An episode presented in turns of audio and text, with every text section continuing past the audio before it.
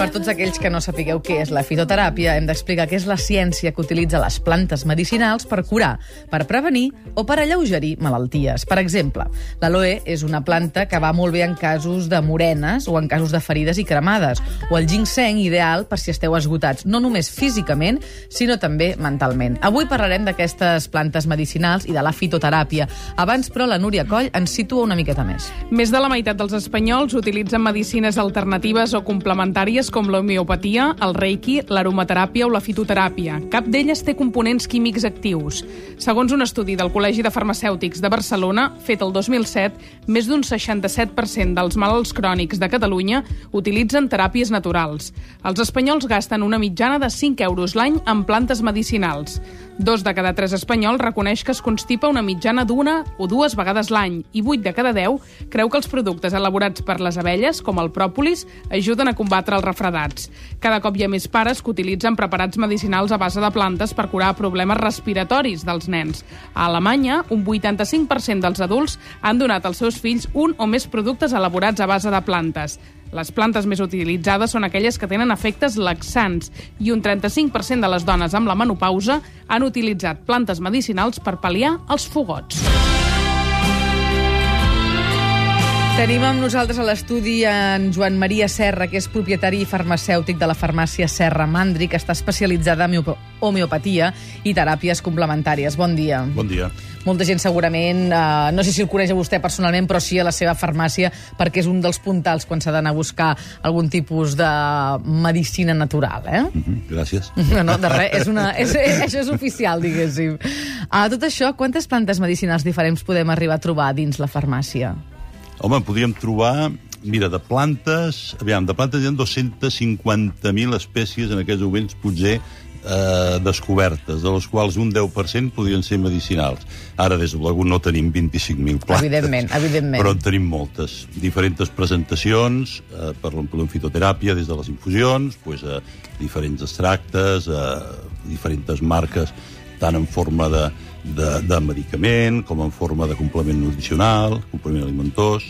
Com, on s'han de, de, de guardar aquests medicaments? Perquè, clar, els podem dir medicaments? Sí, en algun cas, i en algun cas no.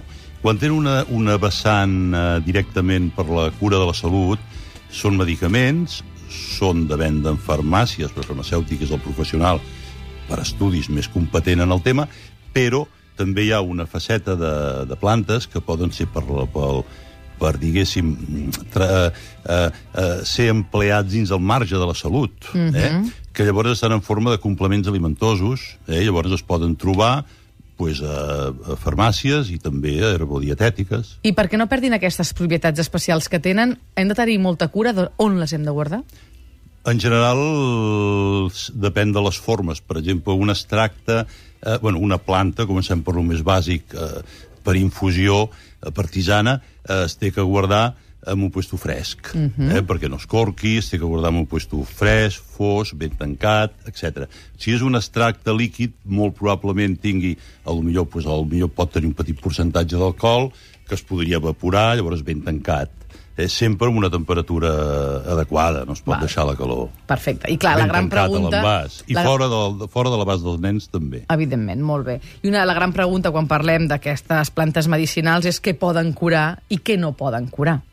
Les plantes medicinals eh, és l'arma més poderosa que tenim per curar-nos. Eh, tenim, que, tenim que entendre que eh, més del 30% de medicaments que hi ha en el mercat són eh, amb un origen de plantes, estan fets a base de plantes medicinals.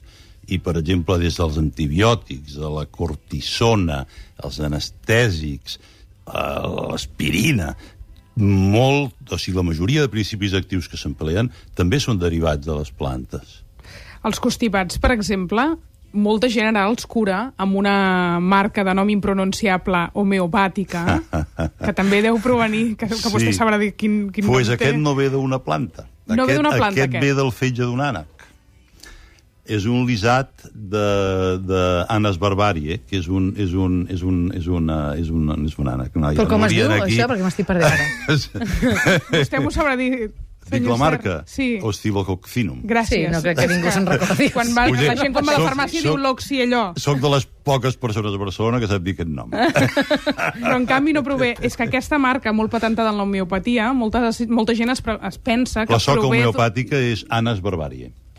I- Anas barbarie. I no prové d'una planta És un medicinal. guisat del fetge d'un ànec, que va descobrir un metge a França fa molts anys, doctor Roy, i va cedir l'explotació amb una empresa francesa molt coneguda d'homeopatia. I això, l'equivalent d'aquest, d'aquesta marca en planta medicinal per curar el constipat, no, no li demano eh, ara la fórmula exacta, però ti- en forma de tisana... En forma de tisana, home, aviam, hauríem de veure, en primer lloc, eh, si l'encostipat eh, té una base, eh, diguéssim, infecciosa, lògicament doncs, buscarem plantes que siguin antiinfeccioses, per exemple, plantes com el farigola, el orenga, que són riques en olis essencials, efecte antisèptic. Després podem buscar plantes, doncs, si ens ha agafat una mica el pit... Aviam, si és una cosa sèria, el metge, eh? Però, llavors, si, si, per exemple, ens volem aliviar una mica per unes inhalacions de, de camamilla, per exemple, que la gent fa inhalacions d'eucaliptus i les de camamilla són molt antiinflamatòries, per exemple, també de- descarreguen molt el pit. Pel mal de coll, per exemple, el pròpolis, que no és ben bé una planta tampoc, però, per exemple, eh, algun, algun producte també amb gargarismes. De... És que abans amb, amb en Xavi, que dèiem que porta Sí. un encostipat de tres parells de nassos, Ei. i mai millor dit, Echinacea, dèiem, molt a veure què podríem prendre, perquè ell ho té, sobretot Sí. la part de nas, eh? hem, hem passat per afonia, també, tot, diu que ho té tot. Embotiment de cap, ho té tot. Per tant, aquí li hauríem de fer una recepta ràpida. home, una recepta Abans ràpida. d'anar al metge demà, també t'ho dic ara, eh? bueno, tu dius que és una mica problema de mal de cap i tot això, bueno, doncs allò, i, i també eh, congestió nasal i tot això, bueno, doncs el que dèiem, unes bones inhalacions de, de camamilla amb eucaliptus, eh, unes pastilles, per exemple, o gotes d'echinàcia, per exemple, s'emplia molt per, per problemes infecciosos, eh? i després plantes aromàtiques, farigola, per exemple, alguna planta com també molt interessant el saüc, per exemple, pel tema de la grip. Molt bé. Molt interessant, Ara, ha quan- estudis fets eh, que demostren l'eficàcia del saüc. Quan vostè en parla, jo me'n recordo de les meves àvies, que sempre et donen aquest tipus de remei. Sí. El que em pregunto és per què han perdut efectivitat, perquè són més lents en el resultat que prendre's un altre tipus de medicació? No, eh, depèn. Aviam, tot té... Aviam, no anem a renegar de, de, dels medicaments, ni molt menys, perquè, aviam, seria... Però jo veig la, la, la fitoteràpia la veig com un tractament moltes vegades de primera instància. Però el veu com a sí. complementari o no? El o pot ser únic? Sí, sí, com a complementari. Com a complementari. Hi ha un, una dada, per exemple, al principi la Núria ha dit diverses dades, una dada molt curiosa i sorprenent és que dos, o sigui, de cada tres pediatres, dos confessen actualment que empleen plantes medicinals. Això és molt, molt fort. Uh -huh. clar, dos de cada tres. Clar, jo fa una estona li he preguntat què, què es podia curar i què no es podia curar amb plantes medicinals i vostè després, contestant una altra cosa, ha dit cal anar al metge també de tant en tant, Sí. perquè no hem de malinterpretar, sobretot els nostres oients no han de malinterpretar que nosaltres estiguem proposant que tot es pugui curar amb plantes medicinals. És més, els usos més comuns de la fitoteràpia acostumen a ser això que dèiem, els encostipats, les morenes, dietes d'aprimament, per exemple, infeccions d'orina, Trastorns funcionals. També. mal de peus, Mhm. estrès... En general, estrès... no? Quan la patologia és d'un cert nivell. Sí, sí, sí, eh? sí. Quan la cosa va més, evidentment, necessitarem abans anar al metge i que ell ens recepti, igual ens recepta uh, medicina natural o igual un altre tipus de recepta. Eh? A tot això, um, aquestes preparacions de plantes medicinals per una persona gran seria el mateix que per un nen, com ara vostè feia referència amb els pediatres? Mm, No. Uh, per un nen sempre la dosi seria menor. Però això bueno, ja passa habitualment amb, amb els medicaments. Uh -huh. eh? Sí. És millor un preparat farmacèutic que, que ja vostè ens, ens posi a l'abast o millor fer la barreja nosaltres mateixos i de la forma més natural possible? Pot estar bé, les, aviam, depèn de si és per una cosa eh, molt general, molt lleu... Aviam, eh, tots tenim opció anar al camp i recollir unes plantes, inclús no caldria ni passar per la farmàcia o l'herbolari, sempre i quan per, inclús hi ha gent que jo conec, doncs, per exemple, que té un jardí se les, se les cultiva a casa, però són les bàsiques. Llavors, a partir d'aquí, si volem complicar la troca, esclar, nosaltres, a través de la farmàcia, doncs, us podem a lo millor posar amb accés en plantes doncs, que no serien tan fàcils doncs, d'obtindre i en formes doncs, més elaborades i potser més, més fortes. Clar, nosaltres eh? podem anar amb la sintomatologia i dir, doncs no Sí. dormo bé, o això que dèiem, Sí. em vull aprimar una miqueta, o tinc morenes, i vostès seran els responsables de dir-nos, doncs aquesta herba, aquesta herba i aquesta herba. Sí, hi ha unes plantes bàsiques que estan a l'abast de tothom i tal, i després doncs, ja pots anar a la farmàcia i rebràs un assessorament eh, adequat també i et suggerirem productes. Eh? Quan comprem medicaments, en el prospecte sempre hi trobem l'apartat d'efectes secundaris. Mhm. amb, amb les plantes medicinals també n'hi ha? Sí, també n'hi poden haver. Aviam, no hi ha casos eh, en el nostre entorn a Catalunya, jo no conec casos d'intoxicacions, ni, ni a l'Estat tampoc. Eh, n'hi ha mínims, mínims, mínims, si és que n'hi ha algun. I, i, però, de totes maneres, diguéssim, sempre es té que anar amb una certa precaució. Eh? Mm, Per exemple, embaràs, nens de molt curta edat, persones amb tractaments com ara sintrom, per exemple, aquests anticoagulants, eh? persones pues, que ja tenen una malaltia sobreafegida important, pues, que, esclar, eh, necessiten pues, eh, un, una cura especial, però en general les plantes que hi ha al nostre entorn són molt ben tolerades. Eh? Toquen també la fitoteràpia xinesa, perquè cada vegada més es barreja i s'utilitza el gengibre, el ginkgo biloba, que no és propietat de la sí, Xina però pròpiament. hi ha una però... mica en aquí es podria dir una...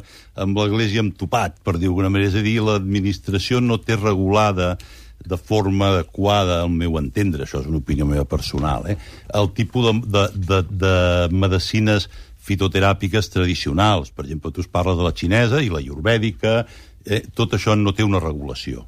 Llavors fa que el consumidor que voldria fer-la servir, al no estar regulades, eh, salvo excepcionals casos de, de productes que venen d'altres països de la Comunitat Europea eh, i que entren per lliure trànsit, en aquí no tenim una regulació pròpia. I això ho trobem a faltar i, per exemple, la fitoteràpia xinesa és una mica orfa de tot això. Eh? És molt interessant, eh? és tot un món. Vull dir, hi ha molts professionals que la practiquen, eh, molt interessant. Doncs, evidentment, amb tots els matisos i amb totes les coses que queden per acabar de perfilar d'aquest nou món per nosaltres de la fitoteràpia, el que és evident és que cada vegada va més i cada vegada més gent hi confia i d'això en sap un munt en Joan Maria Serra, que és propietari farmacèutic de la farmàcia Serra Mandri, que està especialitzada en homeopatia i teràpies complementàries. Moltíssimes gràcies per haver vingut avui diumenge al suplement. Moltes I gràcies a vosaltres. si el necessitem, el anireu a buscar. Bueno, gràcies, aquí, Gràcies, aquí estaré. Moltes gràcies per l'oportunitat de parlar amb vosaltres. Gràcies. I ara agafem el cargol durant per les banyes perquè ens n'anem cap a Sitges.